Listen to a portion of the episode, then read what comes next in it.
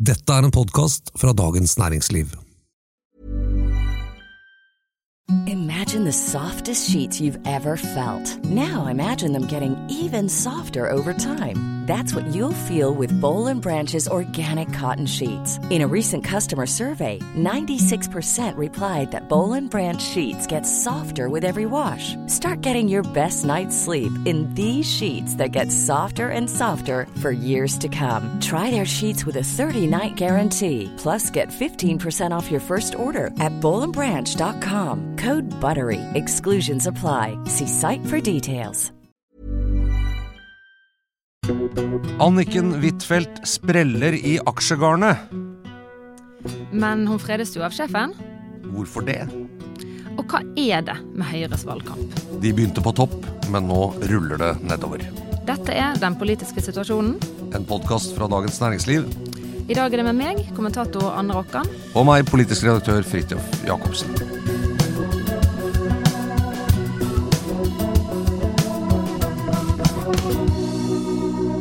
Vi skal grave oss ned i denne Huitfeldt-saken, men først så skal vi til valgkampen, som nå er inne i sluttspurten. I går så kom resultatene fra skolevalget. Er det sånn at ungdom elsker Erna og Sylvi, egentlig? Valgets seierherre, unge Høyre-leder Ola Svenneby, han kansellerte like godt Greta Thunberg i seiersrusen. Hva syns du om det, Anne? Kjente du klimabrølet inni deg? Eh, nei, men jeg ble ganske paff, og på ekte litt sånn eh, overrasket. Jeg tror det bare brøt med min sånn eh, idylliske forventning om at eh, ungdommen de skulle på en måte komme og ta ansvar for dette klimaet. Eh, og det tror jeg ikke jeg var alene om, eh, må bare liksom, eh, erkjenne. Og så jo at eh, unge Høyre-leder Ola Svenneby skrev det på TikTok i dag, nei, Twitter, en, en av de der. At det var nesten sånn at det var sånn vonbråtenhet blant voksne over at de unge ikke stemte MDG. Selv om vi voksne stemmer jo knapt nok MDG, vi også. Så kanskje det er en litt sånn eh, Jeg blir litt sånn ah, må vi redde klimaet sjøl nå, da, vi med stemmerett? Kanskje vi bare venter på neste generasjon likevel? Ja, det er stemmerettens lodd. Skolevalget var jo interessant på den måten at det var eh, selvfølgelig en eh, seier for Høyre. Gjorde det veldig godt eh, blant norske elever på videregående. Ikke så godt som i 2013, som jo var et eh, brakvalg for dem da Høyre gikk inn i regjering, ikke sant, igjen. Men tross alt ganske godt. Men Frp, altså F Fremskrittspartiets Ungdom, gjorde det kjempebra. Og de som gjorde det dårlig, var MDG. Var jo, eh, det falt jo Ja, ja, Mer enn halvert. ja, mer enn halvert. Og Rødt gjorde det også ganske dårlig. Eh, Så det er litt sånn oppsiktsvekkende resultater, og mange ble veldig overrasket. Ja, jeg tror vi har eh, Altså igjen så sa Svenneby det godt, at de som redigerer debattsidene for unge, de tror de har skjønt hva unge er opptatt av, for da skrives det mye om eh, eh, klima og eh, feminisme og typisk sånn wokehet, som er kleint nok har blitt hetende, da. Sånn tema som er veldig på en måte eh, nyanserte og fint, fintfølende, kanskje. Eh, mens han mener at vi har på en måte bare gått glipp av at jeg tror kanskje ungdom bare er mer som oss. De er opptatt av privatøkonomi, de er bekymret for kraftsituasjonen i Norge. Eh, De er rett og slett ikke Vi har på en måte misforstått hva som opptar de, for dette er tema det kanskje ikke er like populært å verken skrive om eller sette på trykk. Så vi, eh, vi som ikke går på videregående og hører hva det snakkes om i storefri, vi har ikke helt skjønt eh, hvor konservative unge også er, kanskje som en motreaksjon. Eh, mot det som Svenne Bødå kalte Greta Thunberg-generasjonen, som han nå mener er død. Sant? Han sa jo dette to gode ganger på rappen idet han fikk resultatet at eh, dette viser at Greta Thunberg-generasjonen er død. Og han kan, kunne kanskje like greit sagt Snowflake-generasjonen. Ja. For det er kanskje litt sånn at for en 16-17-åring så er det ingen som er eldre og mer utdatert enn en 25-26-30-åring, liksom. Nei, i hvert fall ikke en som eh, Altså, når alle på en måte har vært eh, sånn Greta Thunberg hun har vært på Forsiden av Times, hun investerer- inviteres på Dags 18, hun Altså, hun er jo blitt en sånn eh, omfavnet av de voksne type karakter. Eh, mens de unge kanskje lurer sånn oppriktig på sånn Men hvor skal jeg få lærlingeplass hvis vi skal legge ned oljeindustrien? Eh, og eh, rykker deltidsjobben min til, og eh, kan jeg egentlig si det jeg vil hvis jeg er usikker på om det er lurt med mer enn to kjønn? Er det greit å si? Altså, de, de har eh, de Ja, vi har nok båret det litt frem som mer ja, mer liberal eh, enn Mer verdiliberal, i hvert fall, enn det vi kanskje har. Enn det de kanskje er. Interessant også med AUF, eh, som da ble mindre enn ikke bare enn Høyre, men også eh, mindre enn FPU i et skolevalg. Det tror jeg er smertefullt for, for en organisasjon som AUF. Og interessant nok, etter at det som kanskje var den fremste AUF-saken som denne regjeringen har levert, er å fjerne fraværsgrensen i videregående skole. Eh, og det ble jo framlagt som om det var veldig populært, som om Elevorganisasjonen og andre var sånn dette var virkelig en kampsak for elevene. Ser jo ikke sånn ut i skolevalget. Nei, tvert imot så forstår det sånn at dette første året der Unge Høyre har fått applaus når de skryter av fraværsregelen og at man skal ha eksamen, så pleier det å bli møtt med en viss Mole Funken-stemning i salen, mens i år har det blitt applaus. Eh, Så både FPU og Unge Høyre har kanskje truffet på at eh, ungdom ikke bare ønsker seg frihet, men også å bli stilt til, viss, til et visst ansvar da, eh, for, for fremtiden sin og sin, egne, sin egen hverdag. og Um, at det, det er jo flere influensere der ute. Nå har jo eksempel Jordan Peterson i flere år drevet prøvd å oppdra ungdommen til å stå på morgenen og røye opp sengen etter seg. Uh, kanskje han har fått et visst gjennomslag. Ja. Eh, jeg skal la være å snakke om egne erfaringer som tenåringsfar der, men eh, hvis jeg får lov til å være litt privat. Eh, men eh, men eh, også må vi jo nyansere litt, fordi at selv om Rødt, eh, MDG og, og AUF gjør det dårlig i dette skolevalget, så er det jo ett parti på venstresida som gjør det bra, nemlig SV, og det kan jo se ut som om de eh, tar opp det tross alt relativt betydelige antall kan du si, venstresidestemmer, og kanskje som er litt med på det, at de, de nå i større grad trekkes mot SV enn de trekkes mot de, mot de tre andre partiene. Det ser vel kanskje litt tendenser til eh, på målingene også ellers, når det gjelder for hele velgermassen. SV er litt i støtet for tiden. Ja, og de samler jo kanskje nettopp opp både eh, klimavelgerne og på en måte venstresidevelgerne. Eh, og jeg syns det er litt merkelig når jeg snakker med folk fra MDG, så får jeg eh, som jo har hatt en kollaps, egentlig, både på Altså, de klarer ikke å innfri selv de valgene som vi tenker på som klimavalg, når det er veldig mye dystopiske forskningsrapporter og nyheter. Eh, og i år, når det på en måte halve Europa brenner, og, og nordmenn må dra hjem fra charterferie, og Drammen er oversvømt, og selv da klarer ikke de å kapitalisere på denne virkeligheten og gjøre det om til velgere. Eh, og når jeg snakker med folk derfra, så er det litt sånn nei, men folk vil forstå. Vi snakker om de viktige sakene, og det vil folk oppleve til slutt, at vi er rett i at det er det vi snakker om. Mens det em, eh, FPU og uh, Unge Høyre sier at de tydelig har gjort, det er å gå ut og finne hva er ungdom opptatt av. Ja, da snakker vi om det. Og det er kanskje et privilegium de har som ikke er et- ett rent klimaparti. Men hvis uh, MDG skulle vært litt pragmatiske, noe et, et maktsøkende parti gjerne har nytte av, så er jo det kanskje en strategijobb som bør gjøres fra deres hold. Eh, må identifisere hvordan skal vi formidle til ungdom at vi er et parti som, som snakker om mer enn å bare en kutte oljenæringen. da. Hvis det er det som er etterlatt inntrykk av eh, fra skolevalget, og det kan jo det se ut som det er.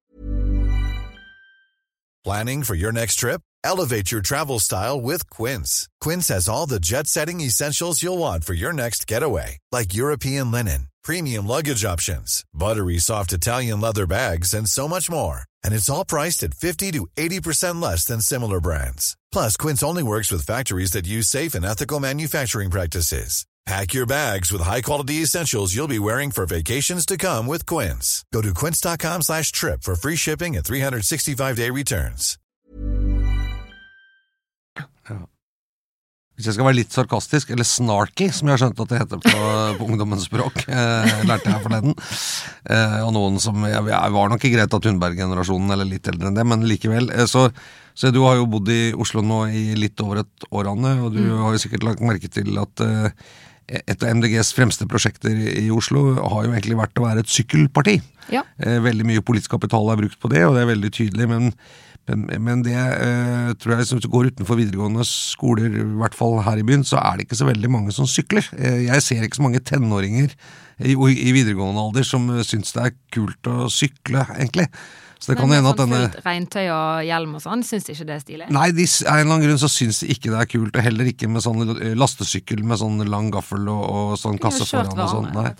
Nei, eh, de går til sparkesykkel, tror jeg. Men, men, men, det, men det jeg tror det viser noe at dette med eh, Det er jo selvfølgelig mange som sikkert er opptatt av det med sykkel, men, men at sykkelpolicyen er blitt så tydelig, og at MDGs valgkamp også ofte handler om å stå og heie på folk som sykler, ikke sant, og sykkelaksjon og den type ting. og det eh, Man kan jo ikke liksom sykle seg ut av klimaproblemene, hvis du skjønner hva jeg mener. Jeg tror i hvert fall det er litt sånn Vil du, vil du komme med vitsen at eh, MDG er ute og sykler, eller Nei. skal vi anse den som ferdig? Vi, jeg lot deg få den. Eh, vær så god. Og så var altså den som ferdig. Eh, hvis vi ser litt større på meningsmålinger Vi er jo siste uka. Eh, Ja, nå er det gøy. det er gøy. Det er valg på mandag. Eh, mange har jo forhåndsstemt allerede, og mange skal sikkert stemme på søndag også. Men, eh, Eh, så vi er i den siste veldig intense uka. Eh, vi spiller inn dette på onsdag ettermiddag. Eh, det er en tendens her, da, at i meningsmålingen, som jeg ser i hvert fall, at Høyre, som hadde gikk inn med et veldig stort forsprang og et enormt sterkt resultat eh, rundt Arendalsuka, liksom, i, i midten av august der, ser ut til å dabbe litt av. Og eh, Arbeiderpartiet ser ut til å styrke seg litt, og i flere av byene hvor det så ut til å ligge helt land til et sånn eh, walkover-seier for, mm. for Høyre eller borgerlig side, i Bergen, Stavanger, kanskje også i Oslo, eh, så er det mye jevnere. Og Da lurer jeg på, Anne, må vi, må vi liksom først og fremst til Bergen for å skjønne hva som skjer nå? Eh, jeg vet ikke om Bergen på en måte favner det som skjer i resten av landet, men Bergen er i hvert fall et eh, nesten karikert eksempel på den eh, prosessen du snakker om. Da Der lå jo Bergen tidligere i sommer Nei, Bergen ligger alltid på 40 men, men Bergen Høyre lå på nesten ut, oppe og snuste på 40% på målingene. Nå er de NRK måler de på septemberbarometer til 28, og det er ikke et dårlig valg, men jeg tror det er overraskende fordi hvor fort og brått den nedgangen har vært.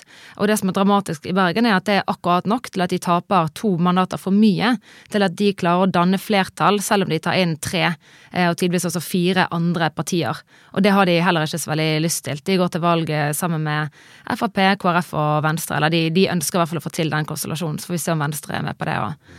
Men det, det er altså ikke noe styringsflertall og, og, eh, i sikte i Bergen, og det er jo deprimerende for ja, de som er igjen og stemmer der, da, skal bo der.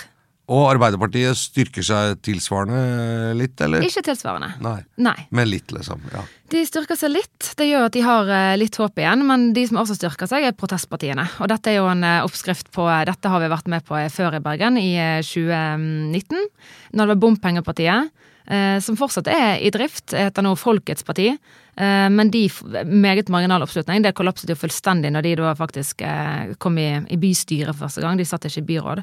Men nå er det altså Industri- og Næringspartiet, som tidvis ligger rundt 2% Og så er det Bergenslisten, startet av den tidligere Ap-byråden Trond Tystad, som egentlig har én sak.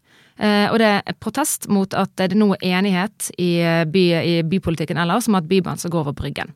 Så de har én sak, som er at Bybanen skal ikke gå over Bryggen. Nei. Men, men Høyre, som altså begynner en valgkamp høyt opp på topp. eh, Kristine Meyer, eh, kjent for sikkert noen som eh, leder for Konkurransetilsynet. Eh, vært eh, ansatt på Handelshøyskolen, eh, hvor du har gått. Eh, har vært sjef for SSB, Statistisk sentralbyrå.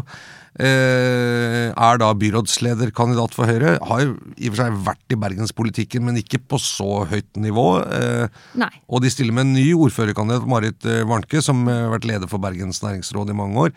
Eh, Men to liksom, eh, hva si, eh, voksne kvinner Ja. med litt politisk erfaring, men ikke liksom på linje med, med sine motstandere i Arbeiderpartiet f.eks. Hva skjer når disse liksom blir eksponert og kommer ut i offentligheten? Er det, er det det som gjør at det går nedover, tror du? Ja, altså Det kunne jo i hvert fall i begynnelsen se ut som om de fikk et veldig stort, en veldig sånn boost bare av at de hadde en ny ledelse i, i Bergen Høyre. Eh, Meyer ble valgt, eh, ikke med Hun stilte mot tidligere byrådslederkandidat Harald Viktor Hove. Eh, så eh, Bergen Høyre stemte, altså voterte over de, og det var ikke vel, det var ikke en brakseier til Kristine Meyer, så partiet var ganske delt. Mm. men når de først hadde hun på plass, så var belitet jo, som det heter, resten seg, og de hadde også Marit Warnke som en litt sånn friskt pust av en ordførerkandidat. og Hun er veldig populær i Bergen og kjenner næringslivet åpenbart veldig godt. og eh, var nå også ny. Et nytt fjes for velgerne, iallfall.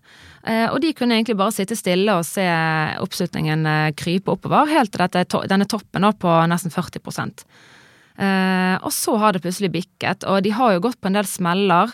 Eh, altså, de, det virker kanskje ikke som de har så mye erfaring med valgkamp og å på en måte tråkle bergenspolitikken og spørsmål fra pressen og sånn. Eh, kanskje ikke har hatt helt benk strategi, vært enige om hva de skal si, så det blitt litt motstridende svar på hvem de vil samarbeide med. De har f.eks. kastet Ap-byrådet rett etter at Meyer gikk på, så kastet de Ap-byrådet. Eh, men uttalte samtidig at de hadde egentlig ikke så lyst til å gå på sjøl, som jo alle skjønte var riktig, for det var jo et kaos uten like. Eh, men det er ikke nødvendigvis noe du sier litt sånn plumper ut med, som en sånn, nesten sånn 'her er jeg' til velgerne. I tillegg så har de eh, ja, de, de er kanskje ikke så debattsterke, og de, er- de er rett og slett ikke så gode i håndverk og politikk ennå, kanskje. Så eh, det har jo blitt tullet litt med fra kommentator Gerd Skjelflot i Bergens Tidende at eh, some say it best when they say nothing at all, eh, og at det kan kanskje gjelde litt for for disse to på en måte toppkandidatene til, til Bergen Høyre. Og Vi har jo sett noe av det samme i Oslo, hvor Anne Lindboe, som er jo en helt fersk i politikken, mm. vært en veldig profilert ordførerkandidat for Høyre. Vel egentlig hun som kanskje har vært det fremste ansiktet på Høyres valgkamp i Oslo. men plumpa litt uti med dette med ufaglært i helsevesenet og, sånn. og og vi også ser en avmatning for, for Høyre i, i, Oslo med én fersk kandidat, og Eirik La Solberg som da eh, tapte byrådsvalget som byrådsleder sist, var ute av politikken, kom inn igjen osv. Det får meg til å tenke Samtidig med at vi ser Høyre matter så ser vi jo en ting som kanskje ikke har fått så mye oppmerksomhet, men det er at Frp gjør det uvant sterkt også på målinger. De pleier jo ofte å bli målt liksom par-tre prosentpoeng lavere enn resultatet de får, men nå, nå, ligger de veldig ganske godt an på målingene. Gjorde et glimrende skolevalg. Eh, Sylvi Listhaug er vel, har vel liksom Kanskje kommuniserer borgerlig politikk som et alternativ til dagens regjering og dagens flertall litt mer tydelig og skarpskårent enn det Erna Solberg gjør. Jeg synes det var litt vanskelig å få øye på. Vi vet at Høyre og Erna Solberg er noe annet enn Jonas Gahr Støre og hans regjering, og, og mange byer vet man sikkert det. Men, men, hun gjør ikke så veldig mye ut av de forskjellene. Kanskje, kanskje hun er liksom blitt litt for sånn sentrumsorientert? At ikke engasjerer nok, eller? Jo, altså det er mange Ap-velgere som sier at de ikke lenger ser forskjell på Ap og Høyre, så kan nesten like greit stemme Høyre. Eh, som har vært på en måte en sånn Eh, shit, hva gjør eh, Ap med det? Eh, men det kan kanskje bety at Solberg, altså Erna Solberg på sikt får det samme problemet bare motsatt vei. At ja. hun også mister grep om Men hvor mange er de, da, de velgerne? Um, altså, eller er det at har på en måte alle bevegelser mot sentrum? Har Frp sine De er jo ikke lenger et klimafiendtlig parti. Altså, de har jo en del sånne saker de har bøyd litt av på, men at de heller holder på at de har andre løsninger. Litt som egentlig i skolevalget. at um, altså FPU også sier at uh, vi, vi, er veldig opptatt av klima. Vi har bare litt andre løsninger. Vi hadde lyst til å kutte på en annen måte, en mer effektiv måte, sier de. Mm. Nei, Det bare fremstår som om eh, du har en veldig upopulær eh, regjering. og det Også nasjonalt går jo veldig dårlig både for Arbeiderpartiet og Senterpartiet på målingene. Og Dermed så skulle man jo tenke det var easy for Erna Solberg å si her er alternativet. Dere kjenner i åtte år. Eh, hvis dere vil ha meg tilbake, så kan dere gjøre det. Men men samtidig, da Jeg tenkte litt på det når man så at ja, la oss si at det er en nykonservativ bølge, da, f.eks. hos unge velgere. At den også reflekterer at, at, eh, at konservative velgere, velgere på, på, den borgerlige siden, de har forventninger om en litt tydeligere annen politisk retning. Ikke bare et annet mannskap eller tilbake til liksom gamle dager eh, og en trygg regjering med Erna Solberg. Og at Erna Solberg har begynt å huske på hva er det egentlig hun har sagt som liksom han har festet seg ved politisk i denne valgkampen. Ganske lite, egentlig. Eh, bortsett kanskje fra dette med å prøve å holde summen av kommunale skatter og avgifter og sånn eh, stabil, men det sier jo selv hennes egne ordførerkandidater at det blir, blir vanskelig. Så, så, det er jo litt sånn utydelig Høyre, syns jeg, i denne valgkampen. Ja, men kan de ha på en måte lagt seg på den linjen etter forrige stortingsvalg, da? Så hadde jo de flydd ganske høyt på dette styringstillegget, og de hadde fremstått Det hadde vært veldig hva skal jeg si, populære statsledere under pandemien, og var på en måte en, eh, tross alt selv om de tapte noen valget, da, så var det jo en, på en måte en kjær statsminister som gikk av. Eh, og at de satt stille i båten bevisst og lot egentlig bare Jonas Gahr Støre synke sitt eget skip. Ja. Eh, men at nå holder ikke det lenger. Nei, og det er vel kanskje det de har prøvd da i Bergen, eh, i Oslo, eh, hvor Arbeiderpartiet styrer, leder av flertallsstyret, og i, i Stavanger. Eh, og i Trondheim, hvor Arbeiderpartiet har styrt en, en halv mannsalder, på en måte. Men, eh, men liksom, bare, vi er bare et alternativ. Jeg trenger ikke å si så mye. Hvis du er lei av disse, så, så fins vi. Men, men det ser i hvert fall ut som i sluttfasen her at eh, velgerne vil kreve noe mer. Ja. Og at de som lykkes nå med å liksom få litt uh, Hvis man skal se på målingene, så vil jeg jo si at for to uker siden så ville jeg tenkt det var helt uh, clean cut at, at Høyre kom til å bli større enn Arbeiderpartiet nasjonalt. Nå er ikke jeg så sikker. For hvis vi ser den farten som Arbeiderpartiet har fått litt nå på slutten nasjonalt, så, så er det ofte sånn at den, den er egentlig kommet mye lenger i velgermassen enn det målingene klarer å fange opp. Og Høyres eh, avdabbing kanskje er brattere enn det vi har trodd. og Da kan det jo bli en helt annen valgnatt enn det mange hadde sett for seg, tror jeg. Og da, da tror jeg kanskje Høyre må gå litt i seg selv og Erna Solberg og si at ble vi for feige? Ble vi for utydelige? Gjorde vi egentlig en valgkamp som var for feig, liksom? Ikke sant? Jeg vet ikke. Mm. Litt spent på det, og også litt spent på hvordan de skal tolke dette hva skal man si, eh, skolevalgsignalet og Svennebys mm. på en måte en litt sånn strammere og mer utfordrende politisk retning enn det vi kanskje er vant til fra et veldig sånn pragmatisk Høyre. da. Om det blir fanga opp, det, er jeg litt spent på. Men det er jo flere ting å være spent på, selvfølgelig. Denne uken føler jeg virkelig har datt i sånn valgbøtten. Noe jeg, all- alt jeg tenker på og gleder meg til, er mandag. Altså jeg gleder meg som det, litt sånn julaften. Og det gjør jeg egentlig til hvert valg, men jeg føler egentlig hvert. Nå har jeg pleid å stemme i Bergen, da, og da er jo hvert valg helt sånn herregud, hva skjer? Hvordan skal dette gå? Så kanskje det bare er Jeg er glad for å finne det samme i Oslo. Ja. Fordi eh, når vi spiller inn dette, som sagt, så er det onsdag ettermiddag. Anniken Huitfeldt er fortsatt utenriksminister i Norge. Safe to say. Er du overrasket, Anne? Nei, altså Så lenge hun har stått han av så langt, så er jeg spent på om det om hun, ja, Jeg tror kanskje hun blir sittende. Men eksempel i Moxnes-saken så, så bygget det jo seg sakte opp sånn fantastisk dramaturgi. Eh, som han kavet og kavet og kavet og aldri kom seg ut av. Men da kommer det også veldig nyhet på nyhet på nyhet. Eller sannheten ble på en måte lagt frem sånn blad for blad. Og det var veldig ubehagelig, men også veldig eh, fantastisk. eh, å være vitne til. Og det, er Jeg er litt usikker på om det er så mye mer å hente. da. Og når Økokrim egentlig har sagt at de ikke skal åpne sak, hvis, kom, altså, hvis den står seg, så eh, ja. Jeg, jeg tror jo som del parti vil- det vil ikke tror det vil bli noe mistillit på dette her. Det er jo også, Du skal være ganske trygg på at det ikke er så veldig mye å finne under dine egne steiner som parti når du skal gå og på en måte kreve en ministers avgang på dette her.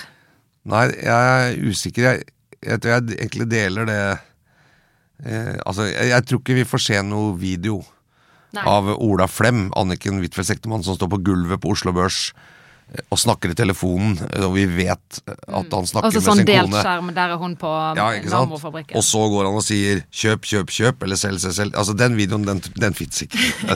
så Kanskje en eh, e-mail, jeg vet ikke. ja, så det er liksom Men, eh, men jeg, jeg er litt fascinert over dette, for, fordi jeg syns eh, Hvis man bare skal se på det som en eh, si, politisk, stykke politisk arbeid, eh, politisk eh, krisehåndtering fra Anniken Huitfeldt og Arbeiderpartiet, og, og også til en viss grad eh, statsministerens kontor, så, så må jeg si at de, de har gjort dette på en ganske sånn det var tror jeg, åpenbart fra det øyeblikk saken ble presentert, så var det et mål, og på en avslutning, at Anniken Huitfeldt skulle bli sittende. Altså, hun hadde uh, brutt habilitetsreglene, men ubevisst. Ikke sant? Det var fortellingen vi fikk høre. Hun visste ikke, dermed kunne hun ikke blames. Dermed så var de veldig nøye med å understreke ingen av vedtakene i regjeringen er ugyldige, fordi hun kunne jo ikke visst noe, ikke sant? Basert på hennes egen forklaring, da. Og, og, og det Jonas Gahr Støre Det slo meg, var jo at når, når Borten Moe ble eh, avsatt, så begynte jo han med å si 'jeg har gjort noe feil, jeg vil rydde opp', eh, men jeg har tenkt å bli sittende. Så kom Jonas Gahr Støre hjem fra utlandet, så gikk det noen timer, så måtte han gå av. Når eh, Trettebergstuen la frem sin sak, eh, så var det allerede bestemt før hun holdt pressekonferansen at hun skulle gå av. Det hadde de avgjort på statsministerens kontor i løpet av noen dager etter at saken ble kjent.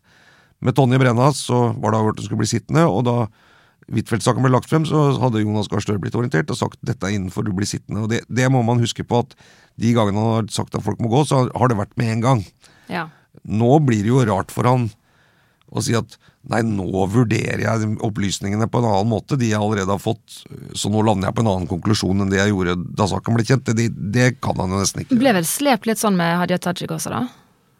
Ja, men der var det vel ikke helt liksom inntrykket at han mente at hun burde gå av. Han uttrykte jo at, han, at hun selv sa 'jeg kan ikke stå i dette lenger'. Ja.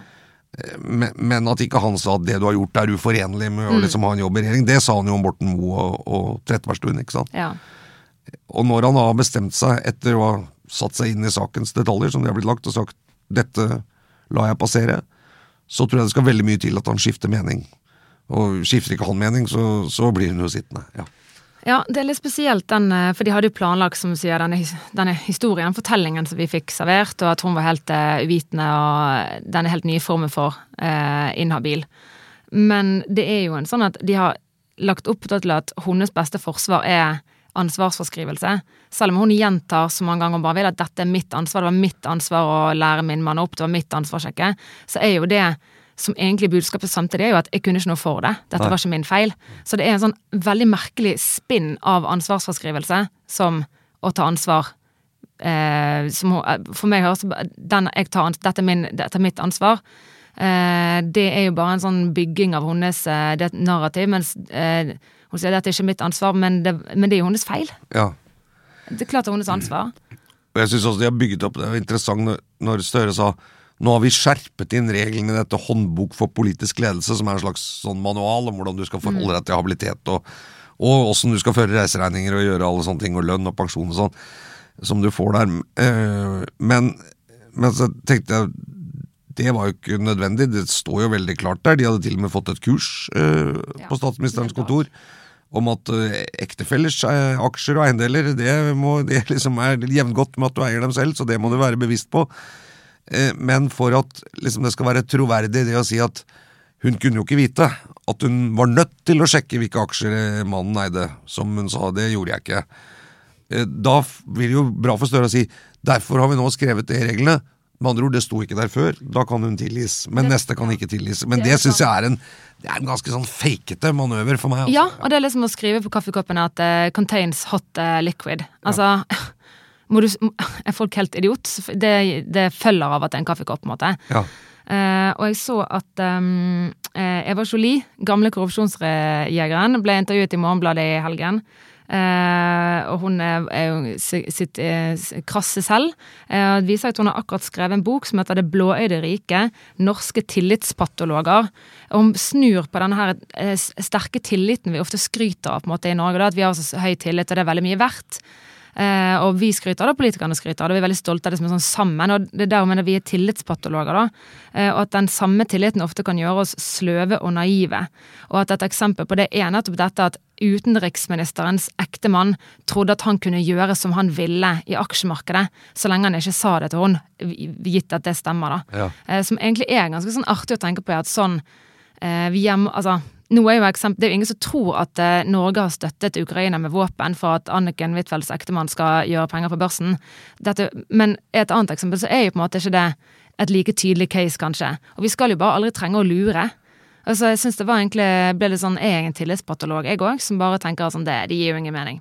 Til, tillit er, er svakhet. Ikke sant? Ja, men det er jo det. Det er jo derfor vi har regler. Og jeg så at Eva Jolie trakk frem sånn for eksempel eh, Nicolai Tangen, sant, når vi ville ansette han, og sånn skal vi se vekk ifra Egentlig så kan ikke han eie disse aksjene. egentlig sånn, et så, eh, og, Ja, og med, også med Stoltenberg, sant, at han sitter tett på Arbeiderpartiet. Men vi er hele tiden villige til å gjøre unntak, for at disse enkeltindividene har tilliten vår. At vi kan ikke se for oss at de ville misbrukt det på noe vis. Eh, vi føler det er pragmatisk. Eh, men at det gjør oss også, det bygger ned den, eh, det vernet vårt på sikt. da. Ja, for det er interessante poenger. Og det tror jeg kanskje også for denne saken er viktig.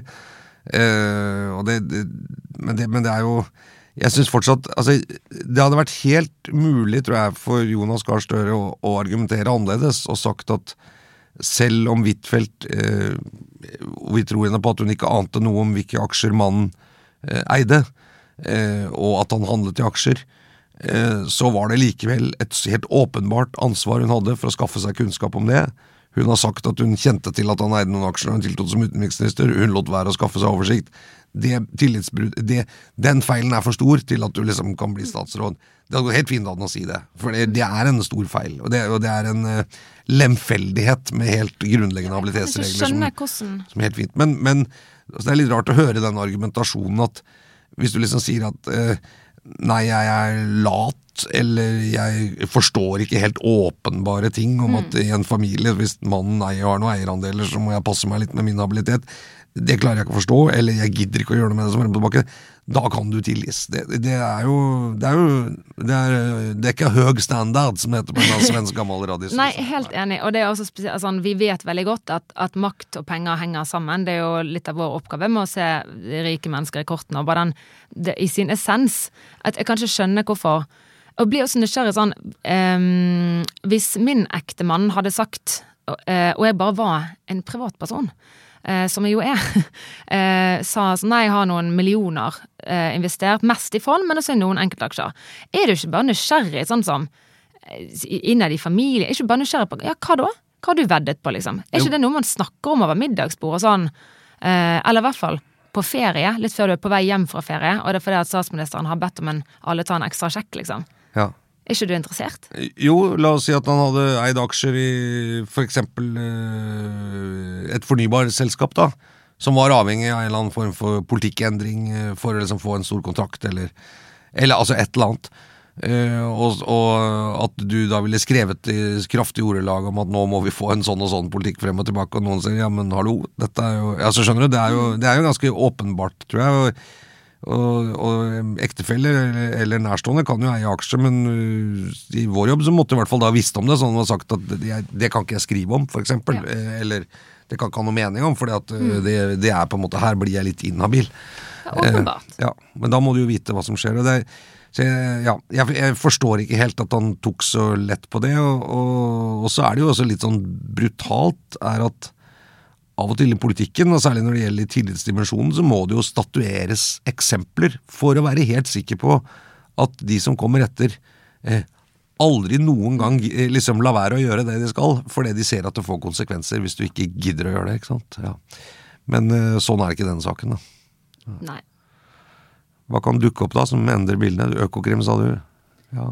Ja, eller eh, Ja, vi har vel ganske Bare at hun sa sånn Apropos håndteringen, men at hun, de har rigget denne historien i detalj, sånn, hvordan de vil ha han, de får lov å sette regien. Og så sier hun sånn Han har stort sett fulgt en, eh, en modellportefølje som hun vet at vi kan sjekke, og som våre journalister har gjort. Og så viser det seg at under halvparten av gangene han har investert, så har han fulgt den modellporteføljen. Hvorfor sier hun det, da? Det bygger jo opp under narrativet at hun Ikke- aner noen ting. da. Nei, ikke les. Eller at hun har noe å skjule.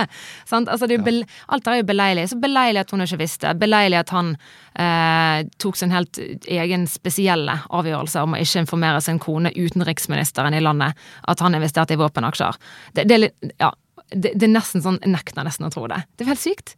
Eh, og at hun bare glemte å spørre, og at de ikke fikk snakket om det før den bilturen, eller hvor det var. Det er veldig mange ting som er sånn Men vi har på en måte ikke noe Vi, vi har fått det servert, og så har, vet vi ikke helt hva vi Vi kan jo ikke bare nekte å tro på den. Nei. Men egentlig er det jo det vi Da er vi kanskje tillitspat... Eller pato, patologisk tillit. Sykelig tillit, liksom. Ja. Kanskje vi har det. ja. I hvert fall Jonas Gahr Støre. Det var en veldig vond tanke. Men ja. Sant? ja. Patolog Ikke sant? Ja. Tillits... Jeg kan godt gjenta tittelen. Det blåøyde riket. Det blåøyde riket. Ok. Det var denne utgaven av den politiske situasjonen. Eh, Godt valg. ja, godt, godt valg.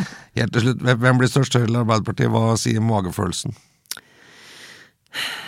Ehm, nei, jeg har ingen. Nei. Høyre, kanskje. Ja. Ja. Jeg har vært så innstilt på det, kanskje litt sånn som deg, at jeg har på en måte akseptert den for lenge siden. Kommer litt brått på den, dette skiftet nå på tampen. Jeg tror også Høyre, men det tror jeg blir helt på marginen. Eh, og hvis det er feil, så er det meningsmålingsinstituttene som bedrar oss, ikke oss selv. De får en telefon. Ja. Som de pleier å gjøre, f.eks. Trump og brexit og andre ting. Men eh, også spennende å se. Det er, jeg tror det er vanskelig, veldig vanskelig å måle. Men eh, det blir fortsatt spennende hvem som blir størst, da, syns jeg. Mm. Den politiske situasjonen, en podkast fra Dagens Næringsliv. I dag med kommentator Eva Nei, ikke kommentator Eva Grinde. Vikar for Eva Grinde. Det var det vi skulle gjøre. Eva Rokka, måtte jeg på å si nå. Så det, var veldig god personalledelse her. Eh. Eva Grinde er på ferie, rett og slett, eh, men vender tilbake til Dagens Næringsliv og dette podkaststudioet eh, sannsynligvis allerede neste uke. Ja. Jeg kan si sjøl at jeg heter Anne Rokkan, Ja. eh, så slipper Fridtjof å tenke meg på det. Og jobber altså som kommentator i Dagens Næringsliv sammen med meg, politisk redaktør Fridtjof Jacobsen. Produsenten heter Gunnar Bløndal. Programmet heter Den politiske situasjonen. Godt valg, alle sammen. Vi høres igjen til uka. Ha det. Du